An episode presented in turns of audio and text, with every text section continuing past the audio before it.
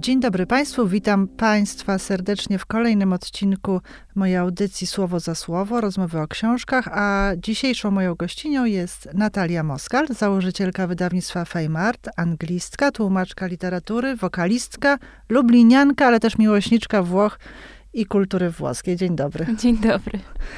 E, nie wiem, czy wszystkie twoje zawody i funkcje wymieniłam, ale napisałeś tak we wstępie do rodowodu, ale również na e, jednej z książek, którą wydałaś, Esther Kreitman, o której zaraz będziemy rozmawiać, ale również we wstępie do swojej płyty, albumu, że cytuję, pasjonują mnie historie kobiet, kobiet doświadczonych trudami życia, lekceważonych lub wykorzystywanych, ale silnych i niezależnych, które mimo przeciwności losu odnalazły drogę do sukcesu. Tymi słowami zaczynasz i właśnie ten wstęp do rodowodu i, do, i też do albumu muzycznego There is a Star, który z kolei nagrywałaś po wielokrotnej autobiografii Sophie Loren. Z jednej strony mamy Esther Zinger-Kreitman, e, w Polsce znaną od niedawna, e, głównie dzięki tobie i twojemu wydawnictwu, bo ją odkrywasz przed publicznością. Y, do, do niedawna była widocznie, wyłącznie znana jako siostra pisarzy noblisty Izaaka Baszewisa Zingera i Izraela Joshua Zingera, ale dzięki tobie y, możemy poznać ją samą. Natomiast y, z drugiej strony mamy włoską gwiazdę filmową Sophie Loren. Dwa bieguny by się wydawało. Jak, jak to łączysz? Kim jest właściwie Natalia Moskal? Czym się pasjonuje? E, tak, bardzo pięknie mm, przedstawiłaś mnie, bardzo dziękuję.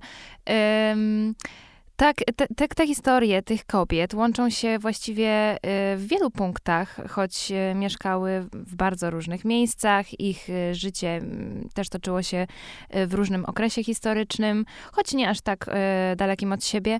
I są to dwie z większej ilości kobiet, y, których historię zechciałam przybliżyć, czy to słuchaczom, czy czytelni, czytelnikom, ale ważne w ich historiach jest to, że,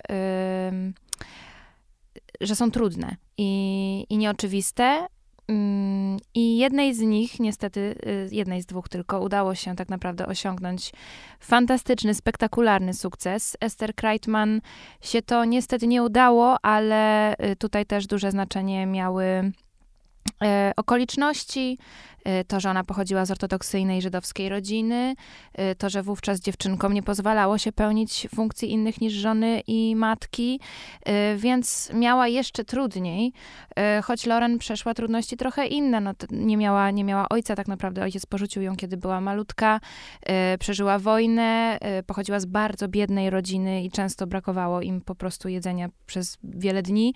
Mm, Natomiast y, każda z tych historii w jakiś sposób się odwróciła i, i, i Loren dobrnęła na sam szczyt, a Kreitman, y, no może nie spełniła się za życia, ale warto o niej pamiętać i o jej prozie. No więc o Loren, y, o Sophie Loren nie wydałaś jeszcze książki. Kto wie, może jeszcze, na, może jeszcze odkryjesz, odkryjesz jakieś korespondencje, listy, może coś jeszcze nie zostało w Polsce wydane. Mhm. Natomiast nagrałaś przepiękną płytę którą e, słuchaczkom i słuchaczom polecam e, serdecznie, bo to jest właśnie pod wpływem Sophie Loren. Jest e, rzeczywiście bardzo, czuje się tam włoski klimat, tak. słuchając, słuchając tych piosenek pięknym głosem. Natomiast chciałabym wrócić do Esther Kreitman.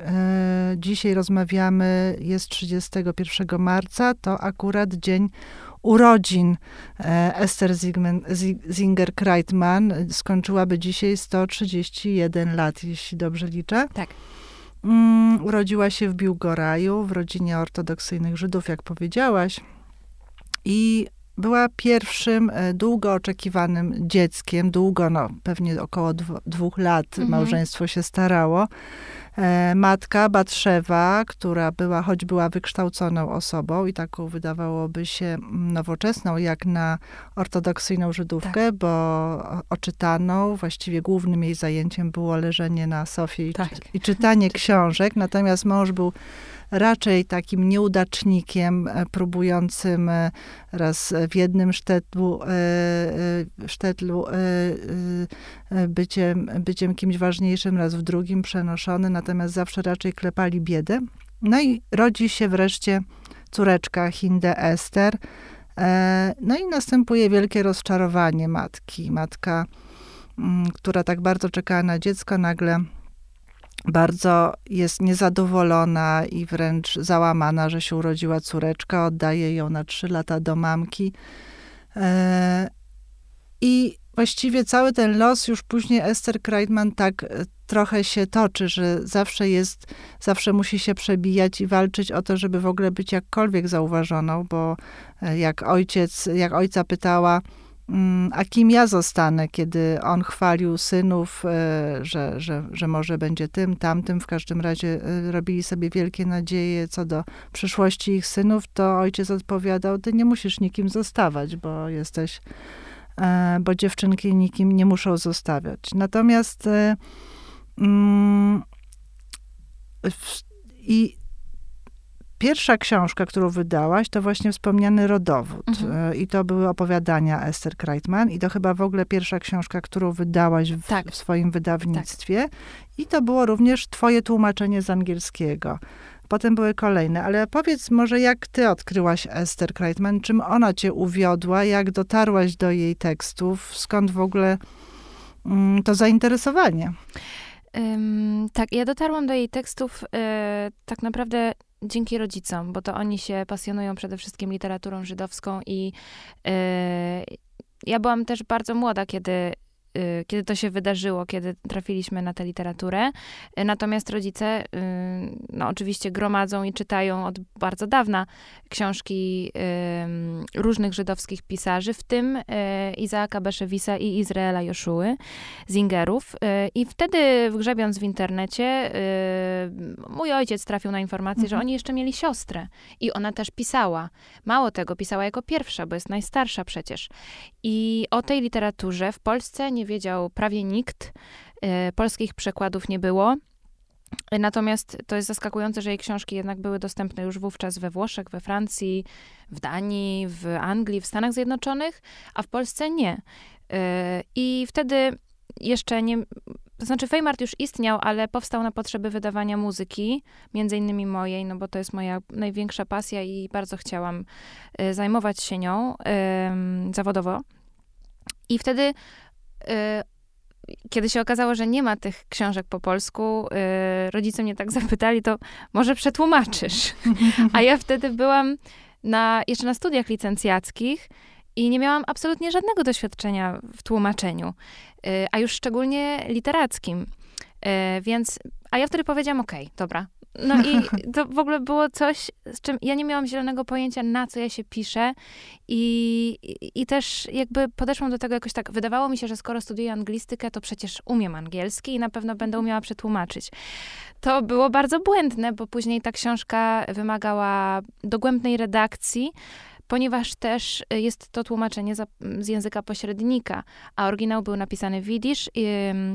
Więc na szczęście udało nam się nawiązać współpracę z profesor e, Adamczyk-Garbowską, która jest specjalistką e, w tym zakresie i sczytała tekst zarówno angielski, jak i mój polski i porównała to z oryginałem Widzisz. Okazało się, że dużo było mm, takich ubogich fragmentów, które trzeba było jednak uzupełnić o o przekład z jidysz, dlatego że angielski po prostu pogubił to wszystko. I czasami y, pojawiały się na przykład zwroty zdrobnienia, zgrubienia, ym, których w angielskim nie ma, więc, mhm. Mm, więc to znik zniknęło po drodze. Y, ale uzupełniłyśmy to. I tak powstał ten przekład. E, I to właśnie była bardzo długa droga i, i też... No ale jeszcze prawa trzeba było przecież tak. dotrzeć do, mhm. do spadkobierców. E. Tak, dotarłam, to znaczy znaleźliśmy w internecie brytyjskiego wydawcę, zamówiliśmy sobie stamtąd te książki po angielsku, po czym ja do niego napisałam maila, on mi odpisał, napisałam, że chciałabym wydać te książki w Polsce, a on napisał, że w ogóle to jest bardzo dziwne, bo ja przecież nie jestem wydawcą, tylko tłumaczem i to się odbywa raczej in, w drugą stronę. Mhm. Najpierw wydawca nabywa prawa i zleca tłumaczenie, a to, co ja chcę zrobić, to jest jakieś takie dziwne. Ale umówił się ze mną na Skype'a. I to było takie zdarzenie, dlatego że on jest, y, no, obecnie ma chyba prawie 90 lat, y, a ja miałam wtedy 20. I no teraz to było tak, no to było jakieś 7-8 lat temu. I y, no ale jednak po tej rozmowie skype'owej coś, coś go przekonało i, i udzielił mi tych praw. A jeszcze spotkałaś się z wnuczką, prawda, Tak. Ester? E, tak, e, wtedy To też było napisałam, przed, właśnie przed przekładem? Przed, e, przed wydaniem książki napisałam do, nie, do niej maila. Znalazłam e, w internecie adres do Hazel Carr, czyli wnuczki Kreitman. E, ona mi odpisała, jest malarką mieszkającą w Paryżu. I, I pojechałam do niej spotkać się z nią, żeby pogadać też o babce, o całej rodzinie. I to było takie, no teraz już widujemy się stosunkowo często i to jest taka fajna przyjaźń, chociaż ona też ma już, no, urodziła się w 40 chyba trzecim roku, więc y, to jest też duża różnica wieku, ale fajnie się dogadujemy. Ona jest też bardzo artystyczną duszą. Y, spotkałyśmy się w jej paryskim mieszkaniu, które jest absolutnie niesamowite. Jest y, pełne przeróżnych papierów, obrazów, książek, y, archiwów. Ob, ma też, ona była w związku z z Jacques'em Noelem, który odpowiadał za scenografię w paryskich teatrach, czasami też pracował w Izraelu, a z kolei jego najlepszym przyjacielem był Marcel Marceau, czyli najsłynniejszy światowy mim, który uczył ponoć Michaela Mhm. Jacksona moonwalku. Więc to wszystko zatacza takie piękne koło i to mieszkanie jest takie wspaniałe, z widokiem na, e, na dworzec i no, coś, coś wspaniałego. Także ta, ta jedna historia jednej pisarki e, też no, jakby zagwarantowała mi fajne przyjaźnie, bo poznałam też później wnuczkę Baszewisa, Izra- e, i Baszewisa Zingera i, i często się spotykamy w Polsce przy okazji premier czy, czy, czy rozmów wokół i książek. Także to jest bardzo ciekawa historia, której na pewno nigdy nie zapomnę. No właśnie, y, ty jako młoda osoba zafascynowałaś się Esther Kreitman, która, którą uważa się za feministkę e, hasycką, żydowską. Mm, Chociaż czytając wspomnienia, bo wydałaś również książkę syna Esther Kreitman, e, Morisa Kara, który, e, który opisuje głównie lata no, londyńskie, prawda, kiedy już mieszkali razem w Londynie. No i opisując matkę, nie ma się wrażenia, że on obcuje z feministką. Mhm. Oczywiście e, Kreitman, jak e, wyszła za mąż, zresztą no, to było małżeństwo aranżowane, e, głównie po to, żeby się wyzwolić z rodziny i spróbować, że może będzie lepiej, może będzie mogła być bardziej samodzielna, jak wyjedzie do Antwerpii, gdzie, gdzie jej mąż mieszkał, jako szlifierz brylantów, diamentów, to... Mm, to też rzeczywiście potem zerwała e, z taką bardzo, bardzo tradycyjną ortodoksją, czyli zdjęła perukę i Tak. mąż zgolił brodę. Niemniej jednak w tych opisach syna, no tak wynika, że raczej ona się potrafiła zgorszyć, że ktoś się umawiał, jakaś e, Żydówka z jakimś mężczyzną bez, e, tak, bez ślubu, czy, no, Mhm. więc to było takie... Mm, że we wstępie z kolei do tej książki Morisa Kara e, cytujesz właśnie Hazel, wnuczkę, która też taki no, stosunek do babki Mhm. miała, no wcale chyba też jej nie postrzegała jako bardzo nowoczesną kobietę, Tak. więc jak to było? Y, No właśnie, to jest tak jeden wielki znak zapytania i też na, na okładce Tańca Demonów można przeczytać fragment artykułu takiego naukowca Jakowa Wise'a, który zatytułował ten artykuł The First Jewish Feminist ze znakiem zapytania. Tam jest znak zapytania na końcu tego tytułu. I ym, my możemy zinterpretować jej działanie jako taki początek, powiedzmy, jakiegoś ruchu feministycznego wśród Żydówek, ale na pewno nie była pierwsza i jeszcze bardziej na pewno nie była jedyna. Tutaj doktor Monika Polit mogłaby na pewno dużo więcej powiedzieć e, na ten temat, dlatego że jest specjalistką z literatury y, jidysz, w literaturze jidysz. Natomiast em, działania Kreitman, takie właśnie przez to, że zdjęła tę perukę, że chciała pisać, że chciała pełnić, y, chciała w życiu spełnić się w czymś więcej niż tylko jako matka i żona, szukała, to są te takie cechy, które mog, mogłyby pomóc określić ją jako feministkę. Ale tak jak mówisz, y, to wcale nie było tak, że ona że ona mm, należała do, na przykład do ruchu feministycznego, albo właśnie, tak jak mówisz, gorszyła się, jeżeli, jeżeli widziała takie sytuacje. Więc y, wydaje mi się, że na pewno były kobiety, y, Żydówki, które jeszcze bardziej radykalnie y, starały się zaprezentować swoją feministyczną postawę i Kreitman na pewno y, radykalna nie była. Bo raczej była skupiona, prawda, na najbliższych też, tak. no bo tak y, zdecydowanie nie można powiedzieć, żeby ona właśnie była działaczką, chociaż tak jak tak. Spo, wspomniałaś w, y, w, Tańcu Demonów, która jest taką no, paraautobiograficzną, mhm. fabularyzowaną książką, też do końca nie wiemy, na ile była autobiograficzna, bo właściwie też no, nigdy się nie dowiemy, Dokładnie. Mm, co było tam prawdą. Ale jest tam taki wątek, jak już rodzina mm, Zingerów mieszka w Warszawie i ona się fascynuje socjalistycznym ruchem tak. i spotyka e, Hasyda, co prawda to wszystko się dzieje w towarzystwie żydowskim, e, który jednak nosi hałat tylko że to jest taka przykrywka, a jednak jest działaczem, mhm. E, działaczem lewicowym bardzo mocno. Czyta dzieła Marksa, czyta różne e, broszury i książki, które jej tam e, ten znajomy pod, podrzuca. I tutaj by się wydawało, że ona za, nawet się tam przeprowadza, szyje, stara się utrzymać sama przez chwilę. Nie wiem na ile, nie wiemy pewnie na ile jest to rzeczywiście fragment biografii e, prawdziwej, e, ale coś jest na rzeczy, że ona tutaj, ten moment to był chyba taki najbardziej jej wyzwolony, prawda? Tak. Taki mam wrażenie, taki patrzący w inną stronę, też poza religię gdzieś. Y, pytanie tylko, to znaczy tak, bo rzeczywiście tak było i też Hazel potwierdza, że tak było, że ona starała się przez jakiś czas sama utrzymać, zwłaszcza w tych momentach, kiedy mieszkali też z mężem w Antwerpii i on nie był w stanie ich e, no, tak. zapewnić im e, bytu. Zawsze chyba pracowała w sumie. Tak, tak. więc ona trudniła się różnymi y, też drobnymi takimi pracami, na przykład y, wszywała zamki w torebki, mhm. czy tam coś wyszywała, przez to też mówi się, że przez to bardzo pogorszuje się wzrok. E, przez to i wcześniej przez to, że jej kołyska e, stała pod stołem. E, I tam ponoć no, wpadały jej te, te, czy nie wiem, czy, czy pajęczyny, czy jakieś Kurz, inne takie. Tak. tak mhm. Mhm, do oczu. Natomiast pytanie, na ile ona dołączyła y, na chwilę do tych zgromadzeń, do tego powiedzmy ruchu socjalistycznego y, ze względu na przekonania, a na ile ze względu na to, że szukała po prostu jakiejkolwiek wspólnoty i chciała przynależeć gdziekolwiek.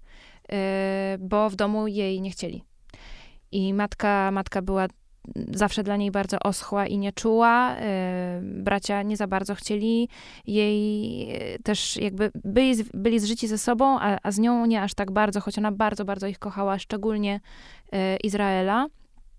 No ojciec to w ogóle był jakiś taki, wiadomo, nie, gdzieś w chmurach, więc ona mm, też w Tańcu Demonów y, pisze i, i jej wnuczka też opowiada o tym, że z tego co wie, to ona była po prostu osobą bardzo nie, nieszczęśliwą i odrzuconą, zawsze.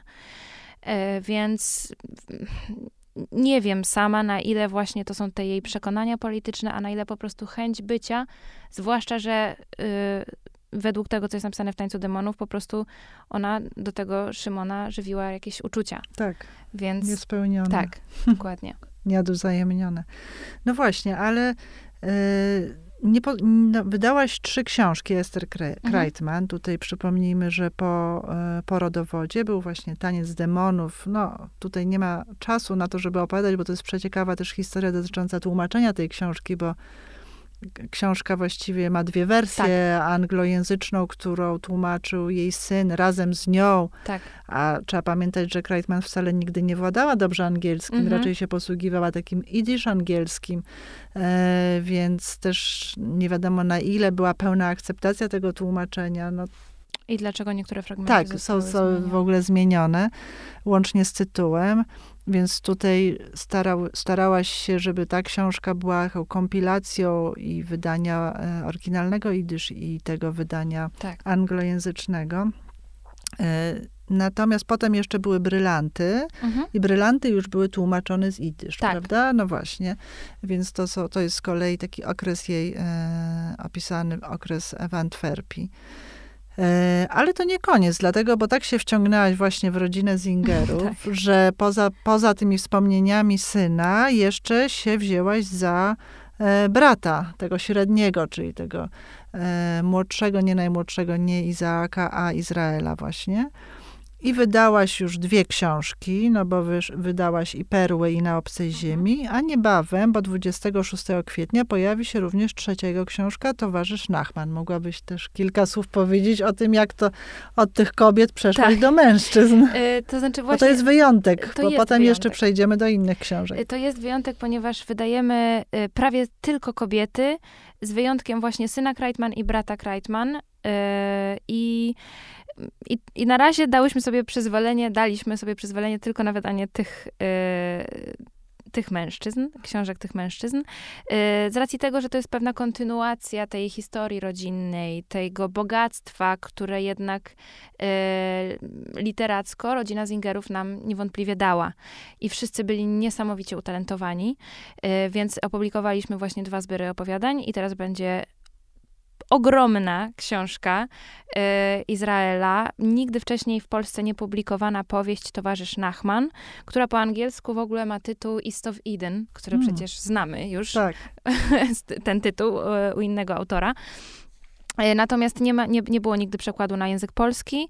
To jest y, jakieś absolutne dzieło literackie. I, i, I wydaje mi się, że gdyby nie przedwczesna śmierć autora, to być może to on zgarnąłby tego Nobla. E, natomiast no niestety ułożyło się to tak i, i prawdopodobnie, no można spekulować, ale prawdopodobnie to było tak, że komuś trzeba było tego Nobla przy, przyznać e, za literaturę jidyszową, no bo to był taki okres, że Tak. no, odrabialiśmy wszyscy te, te przewinienia i e, no i dostał go Baszewicz, który oczywiście jest pisarzem utalentowanym i którego książka nowa również ukaże się u nas O, jeszcze. Tak, i również nieznana, e, bo ja- jakby grzebiąc po tej Kreitman No tak. okazało się, że jeszcze są dzieła e, nie, niepublikowane i Polacy ich nie znają, więc e, są jeszcze trzy nieopublikowane nigdy książki e, Baszewisa i, i jeszcze jest kilka książek e, Izraela też nieznanych nam. mhm. Także... I e, wszystkie były pisane w jidysz? E, Tak, chociaż, chociaż ta książka, która, y, którą napisał Paszewis, która się u nas ma ukazać, y, najpierw ym, jakby agentka, y, która zarządza funduszem y, Zingerów, chciała nam wcisnąć tę wersję angielską. I ona mówi, że to jest ostateczna wersja. Mówię, nie, po prostu uparłam się, sprawdziłam, okazało się, że w magazynie Forwards ukazywała się ta powieść częściami. I jest widzisz.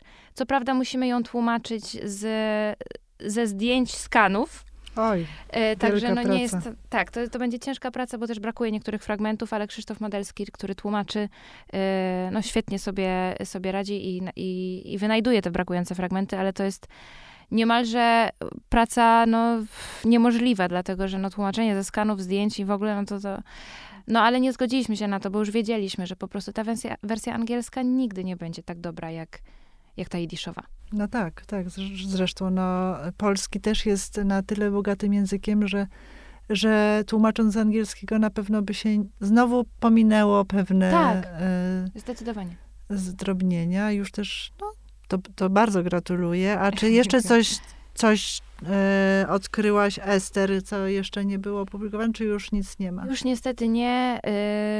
Yy, jakieś tam plotki głoszą, że ona miała tego więcej, ale kiedy jechały na ślub No tak. z matką do Berlina, no to matka jakby tam w obawie kazała jej wyrzucić te wszystkie maszynopisy, rękopisy przez okno pędzącego pociągu. Nie wiemy, czy tak było, czy to jest jakaś taka historia jak do opowiadania, ale, yy, ale więcej zapisków nie znalazłyśmy, a byłyśmy nawet yy, z Kają Katańską, czyli naszą redaktorką w, w Paryżu parę tygodni temu, właśnie żeby porozmawiać znowu z wnuczką, czyli z Hazel Carr i, i byłyśmy też e, w, w Instytucie Kultury Żydowskiej właśnie, żeby poszukać jakichś ewentualnych materiałów archiwalnych, ale ich nie ma. Mhm. Pewnie może coś być w Iwo w Nowym Jorku, ale no to jeszcze chwila, zanim się wybierzemy. A może jeszcze, czy są jakieś zakusy, żeby ktoś tutaj w Polsce napisał biografię? Tak, przymierzamy się właśnie do A, tego. no właśnie. Dlatego te podróże. I, ale, No więc, właśnie, więc bo, to, bo, to, bo to byłoby ciekawe, mając już taką wiedzę i takie archiwa, to aż by się chciało napisać Dokładnie. taką najprawdziwszą tak. biografię tak. na podstawie tych wszystkich Tak, szukamy tekstów. tego i będziemy musiały się oprzeć głównie na listach, ponieważ niewiele jest niestety materiałów archiwalnych na temat same, samej Esther Kreitman. E, no ale to też jest ciekawe, że to jest historia nieopowiedziana. No bo Esther też przecież odwiedzała Warszawę, przyjeżdżała mhm. e, w latach 30., 20. do Warszawy na zaproszenie, jak wychodziły jej książki, prawda? Tak, tak. I e, na pewno coś może jeszcze tutaj e, w archiwach, e, może gdzieś coś jest. Będziemy, będziemy szukać e, w Żichu, będziemy, no właśnie, będziemy, no. no. ale też za granicą na pewno jest tego sporo. A czy przy tej okazji zaczynasz się uczyć idisz albo nie. hebrajskiego? nie, nie. Czy hebrajski Kiedyś... akurat tutaj niepotrzebny zupełnie, no bo... No właśnie. Tak. Kiedyś przeszło mi to przez myśl, ale to jest to jest po prostu jakiś absolutnie zupełnie trudny projekt e, byłby, e, bo przecież to i inne literki i wszystko, no nie, także pomyślałam sobie, że no nie, może Masz nie. specjalistki, może, tak, specjalistów fantastycznych, tak, dokładnie, tak, badaczy. Są, są mhm. osoby, które, które to świetnie robią i, i może przy tym zostańmy, a ja się poświęcę francuskiemu. A, francuskiemu, a nie włoskiemu. Myślałam, że Włochy no, włoski są... już, się, no, już, już Włoch, włoskiego się już nauczyłam, e, więc, więc teraz chciałabym wrócić do francuskiego, który, którego uczyłam się wcześniej, ale właśnie porzuciłam na rzecz włoskiego. Więc teraz one się no. wzajemnie bardzo no uzupełniają. No dobrze, no więc w takim razie przejdźmy jeszcze, bo tu y, wydajesz książki również innych kobiet, które rozumiem, że też cię zainspirowało, jakoś do nich dotarłaś, bo wydałaś książkę fantastyczną e, autobiografię Ruth Bader Ginsburg, mhm. moimi słowami. E, wydałaś e, książkę Mrówki nie mają skrzydeł Sylwii Gentilini. Gentilini. Tak. Mhm i niedostatek Lin, e, Stiger Strong i jeszcze ostatni czarny jednorożec tak, Haddish. Tak. Mhm. E, co te, te kobiety łączy, co dzieli i, i czy też właśnie z jakiejś pasji na nie trafiłaś? Jak, jak tak. do nich doszłaś? Bo na razie rzeczywiście bardzo starannie wybierasz. E, to nie jest, twoje wydawnictwo nie jest dużym wydawnictwem, tak. ale bardzo takim mm, samymi perełkami, można powiedzieć. Dziękuję. Tak, wybieramy y, dosyć uważnie, ale też jesteśmy trochę do tego zmuszeni, bo tak jak powiedziałeś, jesteśmy małym wydawnictwem butikowym i nie mamy niestety ogromnych budżetów, żeby kupować tytuły najbardziej chodliwe. Więc y, zdarza nam się y, ponieść klęskę i, i przegrać jakąś aukcję na ciekawy tytuł. Y, no i właśnie przegrałyśmy. Wiem coś o tym, bo sama też prowadzę no wydawnictwo, właśnie, też butikowe. Właśnie, właśnie, do, no dokładnie. Tak. I y, właśnie ostatnio sobie przeglądałam waszego Instagrama, jest przepiękny, marzę o takim feedzie. Także bardzo ładnie prowadzony. Ale y, no właśnie, więc sama wiesz, jak to jest. No ni niestety nie, te budżety czasami są naprawdę wielkie na te zaliczki, które trzeba zapłacić za tytuł z dużym potencjałem albo tytuł, który zostanie zekranizowany, są bardzo wysokie. No i nie możemy sobie na to pozwolić, więc wyszukujemy takie perełki. E, ale akurat uważam, że Ginsburg pewnie kupiłby kto inny e, już później, bo ja mhm. kupiłam tę książkę, kiedy ona jeszcze żyła. No tak. E, a później przyszła pandemia, było też całe mnóstwo problemów z tłumaczeniem, bo to jest tłumaczenie bardziej specjalistyczne, e, więc e, długo nam to zajęło, żeby dojść od kupna do premiery.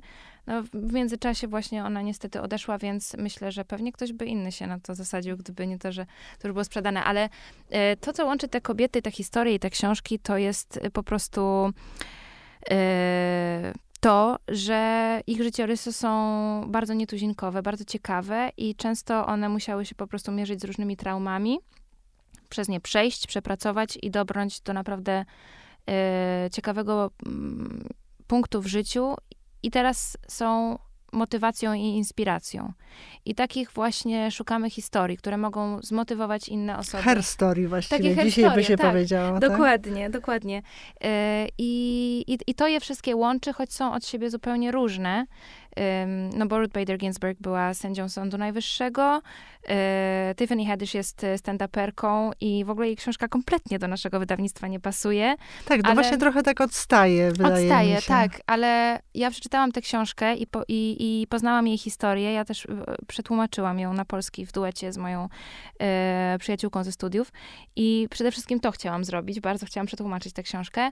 E, to było wyzwanie, mimo tego, że pozornie jest to bardzo potoczny język, ale to jest historia kobiety, która przeszła tak ogromną ilość traum, że w to aż się nie chce uwierzyć. Doświadczyła przemocy fizycznej, psychicznej ze strony bliskich, ze strony facetów, ze strony matki i, i wyszła z tego wszystkiego cało obronną ręką. Na pewno musi chodzić na terapię, bo kto by nie musiał po takich przejściach. Ale, no ale, ale nic, ale wczoraj prze, przechadzała się przedwczoraj w pięknej sukni po czerwonym dywanie na rozdaniu Oscarów i tyle. I po prostu e, od zera do bohatera, taka to jest historia.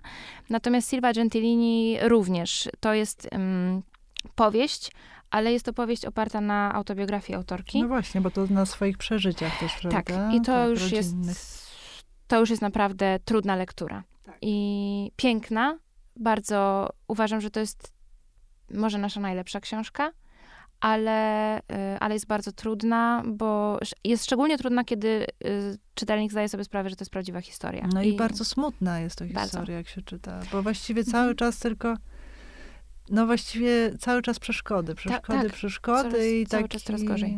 No, no ale, ale autorka y, żyje i chętnie opowiada o tej swojej historii. Udzieliła wielu wywiadów już też w Polsce.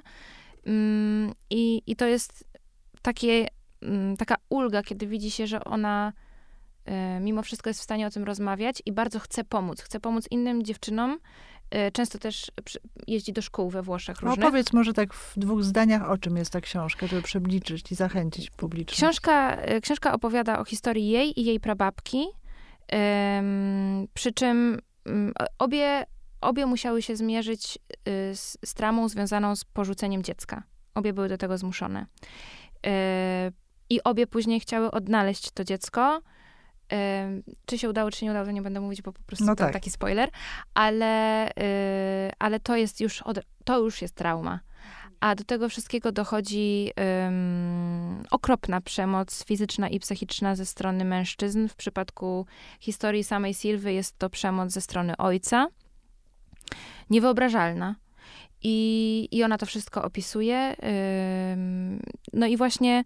Taka niemoc jej matki też. Niemoc matki i babki. To jest mm. też, też właśnie um, bardzo bardzo trudne, bardzo trudno się to czyta, y, ale warto poznać tę historię i warto właśnie przybliżyć sobie, czy obejrzeć z nią jakieś wywiady, poczytać, bo ona, um, ona bardzo chętnie o tym opowiada i na przykład właśnie jeździ do różnych szkół, liceów we Włoszech, gdzie, gdzie opowiada o swojej historii i gdzie uświadamia młode dziewczyny, które doświadczyły przemocy fizycznej, czy psychicznej, czy, yy, czy napaści seksualnej, i jakby pomaga im zrozumieć, że nie ma powodu, żeby czuć się winną, że to nie ty jesteś winna mm. i nie ty masz się wstydzić, a lepiej by było, żebyś o tym powiedziała. Mm-hmm. Y, dlatego to jest ważna książka. Przede wszystkim. Tak, to bardzo, bardzo, to niedawno wyszło w miarę, prawda? No właśnie tak. w tym roku. Mhm.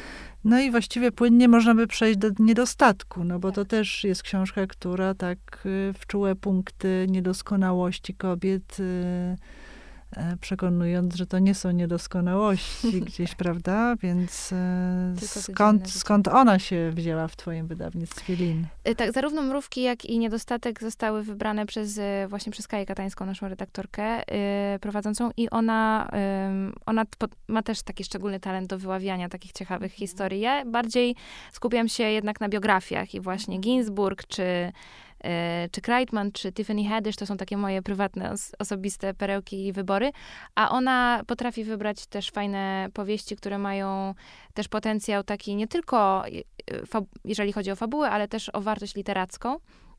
I niedostatek y, też właśnie ona znalazła. To jest książka, która oj, bardzo, bardzo dosadnie i trafnie opisuje codzienność. Hmm.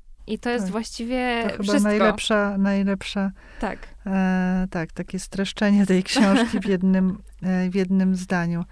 Powiedz mi w takim razie, o jakich biografiach marzysz? Co byś dalej chciała wydawać? Bo czy, czy są takie osoby, czy chcesz odkrywać coś nieznanego, czy właśnie chcesz sięgnąć po jakąś bardzo znaną postać, ale niedocenioną? Bo zdecydowanie tak jak przy Kreitman, no przy Ruth raczej nie, no bo była bardzo uznaną tak. kobietą. E, ta jej biografia jest wybitna po prostu. Ale tak jak Kreitman, która, no, której jakby przywracasz no, właściwe miejsce i, i no jest bardzo dużo jeszcze nie, nieodkrytych pisarek idyszowych, czy też tworzących po hebrajsku. Trochę się już, trochę się już w, tej, w, tej, w tym temacie rzeczy robi. E, Joanna Lisek, Degler, tak. prawda, wspaniałą antologię wydała poetek i tak, tak, tak. o nich napisała wielką książkę. Więc tam jest wspaniałe, są referencje, można tak, wybierać, można wybierać spośród nich i czekają na przekłady. Czy w ogóle w tym kierunku też myślałaś? Jest wspaniała Lea Goldberg, która już pisała po, po hebrajsku, tak. e, więc też te, które, no bo to też jest tutaj język, jako lingwistka, anglistka też na pewno jest to pasjonujące to jak język y, pisarka wybiera, no Kreitman nie miała do wyboru, no znała mhm. tylko idysz, e, właściwie polski, polski też raczej słabo tak, znała, tak, tak, tak.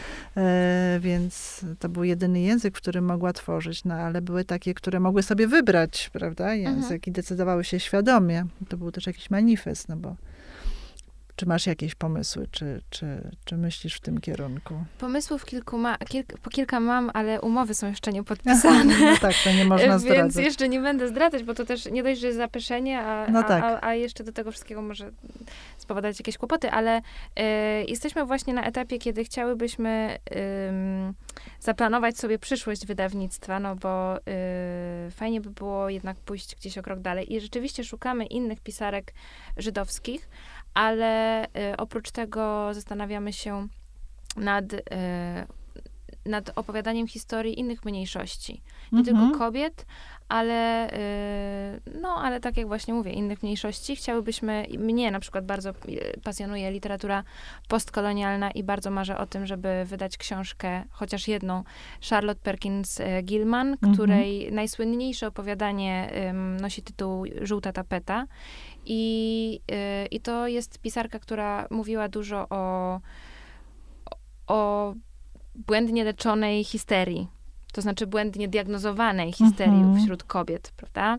Yy, jakby mylono podstawowe yy, potrzeby seksualne z, z histerią i, i leczono je w zupełnie absurdalny sposób, zamykając w różnych małych pomieszczeniach. I ona właśnie opisuje to w, książ- w opowiadaniu Żółta tapeta. Jest, mąż zamyka ją w, w pokoju, którym jest wytapetowane na, na, żółtą tapetą w kwiaty i ona w tych jest tak samotna, tak zamknięta, nie widzi świata zewnętrznego, że wyobraża sobie, e, co tam dzieje się pomiędzy tymi kwiatami w tej żółtej tapecie. No i już rzeczywiście odchodzi mhm. od zmysłów, bo się nie da inaczej, jeżeli jesteś zamknięty przez kogoś e, bez własnej woli. I to mnie, bardzo mnie to ciekawi, chciałabym mm, wrócić y, do jej dzieł, na to, znaczy wrócić, tak naprawdę przetłumaczyć je na język mhm. polski i wydać, ale szykujemy też, i tutaj już mogę powiedzieć, y, będą eseje Audrey Lorde, mm. y, The Cancer Journals, to jest y, książka, którą omawiałam na studiach i pamiętam, że bardzo mnie uderzyła, -hmm. bo to jest mhm. historia czarnoskórej kobiety, która jest y, homoseksualna, jest matką, a do tego wszystkiego choruje na raka i przechodzi mastektomię. Więc opowiada doświadczenia, które, te wszystkie doświadczenia, które się ze sobą kumulują i jakby powodują, że jest coraz bardziej dyskryminowana na coraz to nowym polu. Yy, więc no tyle, które pamiętam z zajęć jak, jak dziś i po prostu wiedziałam, że, że trzeba to wydać, bo, bo to jest coś bardzo interesującego. To jest książka, która została napisana w latach 70., y, ale mam wrażenie, że to jakoś powraca. Teraz na przykład wydawnictwo Charakter opublikowało książkę, o którą się starałyśmy. Mhm. Y, Kobieta rasa, y, już nie pamiętam właśnie, ale to jest Angela Davis. Tak. Więc, yy, więc takie historie. No i szukamy też ciekawych powieści, bo ja też mimo wszystko prywatnie lubię, lubię czasami jednak się zanurzyć w jakąś historię, która, która daje odpocząć też, prawda? No, więc... twoje powieści nie wiem, które wydajesz, czy dają odpocząć. Nie. więc, więc szukamy więc, dlatego. Więc, tak. więc nie wiem, czy, czy... Może trochę niedostatek jest taką książką do poduszki, ale też no tak. Może dla tych, którzy trochę nie mogą spać po nocach, rzeczywiście, tak. Ale to bardzo, bardzo, bardzo fajne plany. A powiedz, co czytasz teraz, bo tak do poduszki właśnie. Ty, do poduszki dla właśnie, siebie. tak, do poduszki zaczęłam sobie teraz czytać Kirkę. Yy, I nie pamiętam właśnie, jak się nazywa autorka. Chyba to, Miller. Ale to już nie, nie nowa książka, Nie, to tak? nie bo nowa. to już przed paru sezonów. Tak, to jest ta sama autorka, co napisała pieśń Achillesową, tak. ale ja po prostu nadrabiam to, co... No bo czy, czytamy też maszynopisy, No tak. bardzo dużo maszynopisów, więc, więc czytam sobie to. E, chyba, że pytasz o maszynopisy, które... Nie, nie, nie, czytamy o tak dla takie, siebie, dla, przyjemności. Tak, no Kirkę bardzo jest przyjemną lekturą do czytania. Właśnie tak. zaczęłam, więc jeszcze nie mam zdania, ale moja Baśniowo, przyjaciółka... tak, Tak. Taką, tak. Ja wszystkim zawsze na wakacje ją Tak? polecałam. O, tak. super. No to właśnie zaczęłam i moja przyjaciółka, właśnie ta, która przetłumaczyła ze mną ostatniego Czarnego Jednorożca, polecała mi ją bardzo. Więc ta, a potem em, pieśnia Hillesowa na pewno. I właśnie skończyłam czytać, nie wiem, czy wstyd się przyznać, czy nie, ale skończyłam czytać drugą część em, Tamtych Nocy, Tamtych Dni, czyli Znajdź mnie. To jest ta powieść e, Andrea Simana, na podstawie której powstał film e, Call, Me By Your Name. Mhm. E, I, I przeczytałam sobie tę drugą część. No literacko nie jest to zachwycające, ale to jest taka przyjemna historia, która, Jasne. którą można sobie po prostu przeczytać i, i czasami pomarzyć o takiej miłości. No myślę, że książki też po to są, żeby nam dawały takie wytchnienie, zwłaszcza, że, że, że żyjemy w dość trudnym czasie teraz Bardzo. i, i myślę, że nie można sobie odmawiać takich lektur. tak, wytchnienie jest potrzebne. Bardzo, bardzo Ci dziękuję, że Dziękuję. przyjęłaś zaproszenie i, i że, że pomogłyśmy porozmawiać e, w takim razie. Zapraszam Państwa. Moją gościnią, przypomnę, była Natalia Moskal, e, wydawczyni e, z wydawnictwa Fame Art, e, również wokalistka i tłumaczka. Dziękuję. I zapraszam Państwa do słuchania kolejnego odcinku mojego podcastu Słowo za Słowo. Dziękuję bardzo za zaproszenie. Dziękuję.